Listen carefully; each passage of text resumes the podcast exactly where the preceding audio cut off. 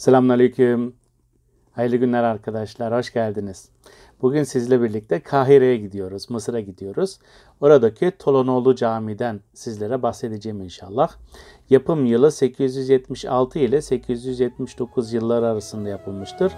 O zamanın hanedanı Tolonoğullarıymış. 868 ile 903 yıllar arasında orada hanedanlıklarını yürütmüşler. Yöneticisi Ahmet bin Tolun'muş. Bugün Kahire sınırları içerisinde bulunan İbn Tolun Camii 876 yılında Mısır valisi Ahmet bin Tolun tarafından Fustat'ın kuzeydoğusunda El Katayi denen bölgede yaptırılmıştır. Yapıda yer alan vakfiye metninin yazılı olduğu kitabede ise düz kufi yazıyla yapının tamamlanma tarihi 879 olarak verilmektedir. Bukhara asıllı bir Türk olan Ahmet bin Tolun, Abbas halifesi Müsta'in Billah zamanında Samara şehrinde orduda görev yapmış, zaman içerisinde yükselerek Mısır'a vali olarak atanmıştır. Abbasilerin zayıflamasından istifade eden Ahmet bin Tolun, Fırat Nehri'nin batısında kalan Filistin ve Şam topraklarını hakimiyeti altına almış, madeni paralar üzerine Abbasi halifesi ile birlikte kendi adını da ekleterek bastırmış ve İbn Tolun Camii'ni inşa ettirmiştir. Abbasiler ile arasının bozulmasından sonra hakimiyeti altında bulunan topraklarda Abbasi halifesine ismen bağlı müstakil bir devlet kurmuştur. İbn Tolun Camii, banisi Ahmet bin Tolun'un askeri geçmişinden ötürü Mısır'daki yapılardan farklı olup daha çok Samara ile yakından ilişkilidir. Bunun en bariz emareleri yapının planimetrik şemasının Samara kökenli olup Mısır gibi bir taş malzemenin ve buna dayalı yapım tekniğinin bulunduğu bir yerde caminin tuğlayla ve bu malzemenin gerektirdiği yapım tekniğiyle inşa edilmiş olmasıdır. Kapladığı alan ile yine Samara Camiül Kebir ile benzerlik gösteren İbn Tolun Camii, Mısır'daki İslam dünyasına ait ilk anıtsal yapı olma özelliğine gösterir. Cami, Fatimiler ve Memluklar döneminde önemli tamiratlar geçirmiş ve camiye bu dönemlerde bir takım eklemeler yapılmıştır. Cami yaklaşık 162'ye 162 metre ebatlarında kare formunda bir dış avlu ile çevrili olup caminin kıble duvarı ile dış avlunun kıbleye bakan duvarı orta eksenden bitişiktir. Dış avlu ile bitişik harim kısmı yaklaşık 120 metre genişliğinde olup dış avlu duvarlarıyla arasında yaklaşık 20'şer metre boşluk bulunmaktadır. Yapının kıble duvarının ortasından dışarı taşan bir mihrap mevcut olup üstüne Memluk Sultanı Laçin zamanında ahşap bir kubbe eklenmiştir. Yani 1296-97 yılları arasında. Bu ana mihrap dışında İkisi daha kıble duvarında bulunan toplam 5 adet mihrap bulunmaktadır. Caminin dış cepherini oluşturan kuzey yönündeki duvarda 7 adet, doğuda ve batıda bulunan duvarlarda 6'şar adet ve kıble yönündeki duvarda da bir adet olmak üzere toplamda 20 adet kapı caminin dış avlusunu şehre bağlamaktadır. Caminin minaresi yapının dış avlusunun kuzey tarafında, mihrap hizasının sol tarafında konumlanıp taş malzeme ile inşa edilmiştir. Geniş kare kaide üzerinde yükselen minare yaklaşık 40 metre yükseklikte olup Samara'da bulunan Malviya ile benzerlik taşımaktadır. Minarenin başta tuğla ile yapılmış olduğu Memlük Sultanı Laçin tarafından taş ile yeniden inşa ettirildiği düşünülmektedir. Ancak 10. yüzyılın tarihçilerinden mukaddesi caminin minaresinin taştan olduğunu ve minarenin küçük bir yapı olduğunu söyler. İlk yapımının Malviya'nın zigurat formuna daha çok benzediği tahmin edilse de Memluklar döneminde yapılan değişikliklerle Kuzey Afrika'daki minarelerin çıkış noktası olan deniz fenerlerine ait referanslar taşıdığı gözükmektedir. Dıştan dolanılarak çıkılan minarenin üst kısmı Memluklar zamanında yapılan mehbare yani buhurdan denilen türde silindirik gövdeli ve dilimlik kubbecikte örtülüdür. Minare camiden müstakil bir yapı olmayıp iç avlunun kuzey tarafındaki revakların damına açılan bir köprü ile camiye bağlanmıştır.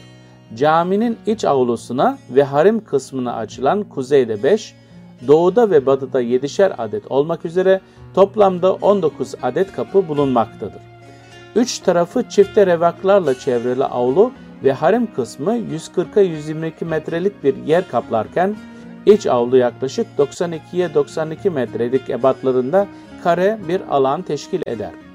Yine mukaddesi avlunun ortasında zemzem kubbesine benzetilerek inşa edilmiş bir kubbe olduğunu ve bu kubbenin içinde su içmeye mahsus bir korna yeri bulunduğunu ifade etmekle birlikte caminin giriş kısmında ve çevresinde bir su kanalının mevcut olduğunda bildirir. Ancak bugün avlunun ortasında bulunan kubbeli şadırvan yapısı bu zamandan kalma olmayıp Memluklar zamanında inşa olunmuştur.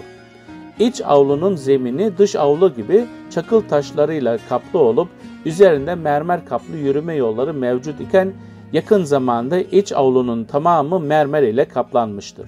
Cami duvarının üst kısmında sivri kemerli pencereler mevcut olup dış duvarlardaki pencerelerin arasında tezyin edilmiş sağır nişeler bulunmaktadır. Cami ve dış avlu duvarlarının üstünde farklı şekillerde birbirine geçmeli bir mazgal dizisi ve bu mazgal dizisini köşelerle tutan dikmeler bulunup ayrıca korkuluk görevi de görmektedir. İç avlunun revaklarını örten, çatıyı taşıyan tuğladan yapılmış kemerler sivri ve hafifçe taşkın olup köşelerinde tuğladan birer gömme ince sütun bulunan 2'ye 46 metre genişliğinde ve 1.27 metre derinliğindeki ayaklara dayanmaktadır. Ahşap kirişler yardımıyla çatıyı tutan taşıyıcı sistemin ağırlığını azaltmak ve ışıklandırmayı sağlamak için ayakların yukarısında kemerlerin arasındaki köşeliklerde pencereler açılmıştır.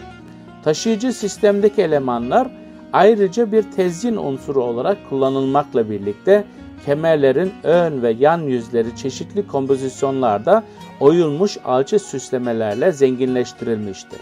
Yapının harem kısmı da aynı revaklardaki gibi çatıyı taşıyan ahşap girişlerle birlikte pişmiş tuğladan sivri tepeli ve hafifçe taşkın kemerlerin üzerine oturtulduğu ayaklara sahip olup bunların sayıları revaklar da dahil toplam 148'i bulur. Harem kısmı kıble duvarına paralel uzanan 5 bölmeden yani sahından meydana gelir. Buradaki kemerlerde de ışıklandırma ve ağırlığı azaltma amaçlı pencereler açılmış, avludaki kemerlerde bulunan tezyinat aynen uygulanmıştır. Bunun haricinde caminin ahşap tavanında da kufi hat ile yazılmış ayetler bir tezyinat unsuru olarak kullanılmıştır. Caminin kıbla duvarındaki dışarıya doğru taşan ana mihrap Ahmet bin Tolun zamanında yapılmış olup diğerlerinden daha ehemmiyetli bir durumda bulunmaktadır. Bu mihrabın sağında ve solunda Bizans başlıklı iki sütun mevcut olup diğer yapılardan devşirildiği düşünülmektedir. Sivri kemerli, yarım daireli mihrap hücresinde mermer kaplamalar ve cam mozaikler haricinde geri kalan tüm tezyinat ilk döneme aittir ve bu orijinal kısmı ağırlıklı olarak alçı silmeler oluşturur.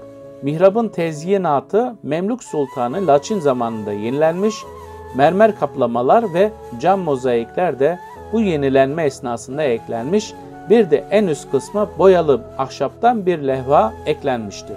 Diğer mihraplar ise Fatimler ve Memluklar döneminde yapılmıştır. Caminin geometrik ve bitki desenli süslemeleri olan ahşap bir minberi mevcut olup yine Memluklar döneminde yenilenmiştir.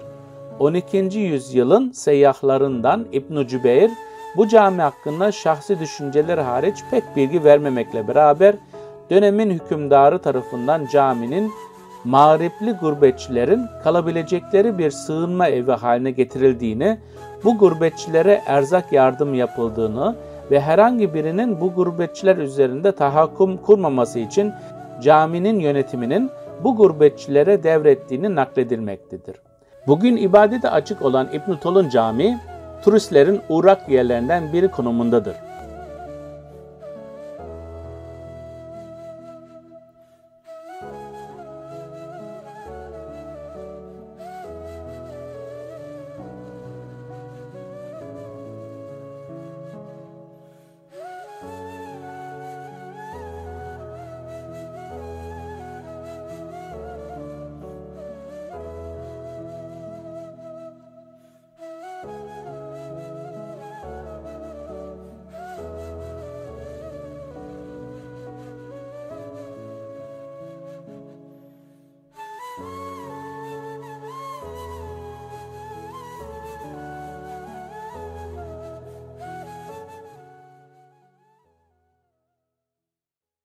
Evet, bugün Kahire'deki yani Mısır'daki İbn Tolun Camii'ni ziyaret etmiş olduk. Onu daha yakından görmüş ve tanımış olduk. Bir sonraki dersimizde ansiklopedik risaleleriyle tanınan 10. yüzyılda yaşamış bir topluluktan bahsedeceğiz. Bu topluluğun ismi İhvan-ı Safa'dır. Önümüzdeki bölümde tekrar görüşmek dileğiyle Allah'a emanet olun, selam ve dua ile.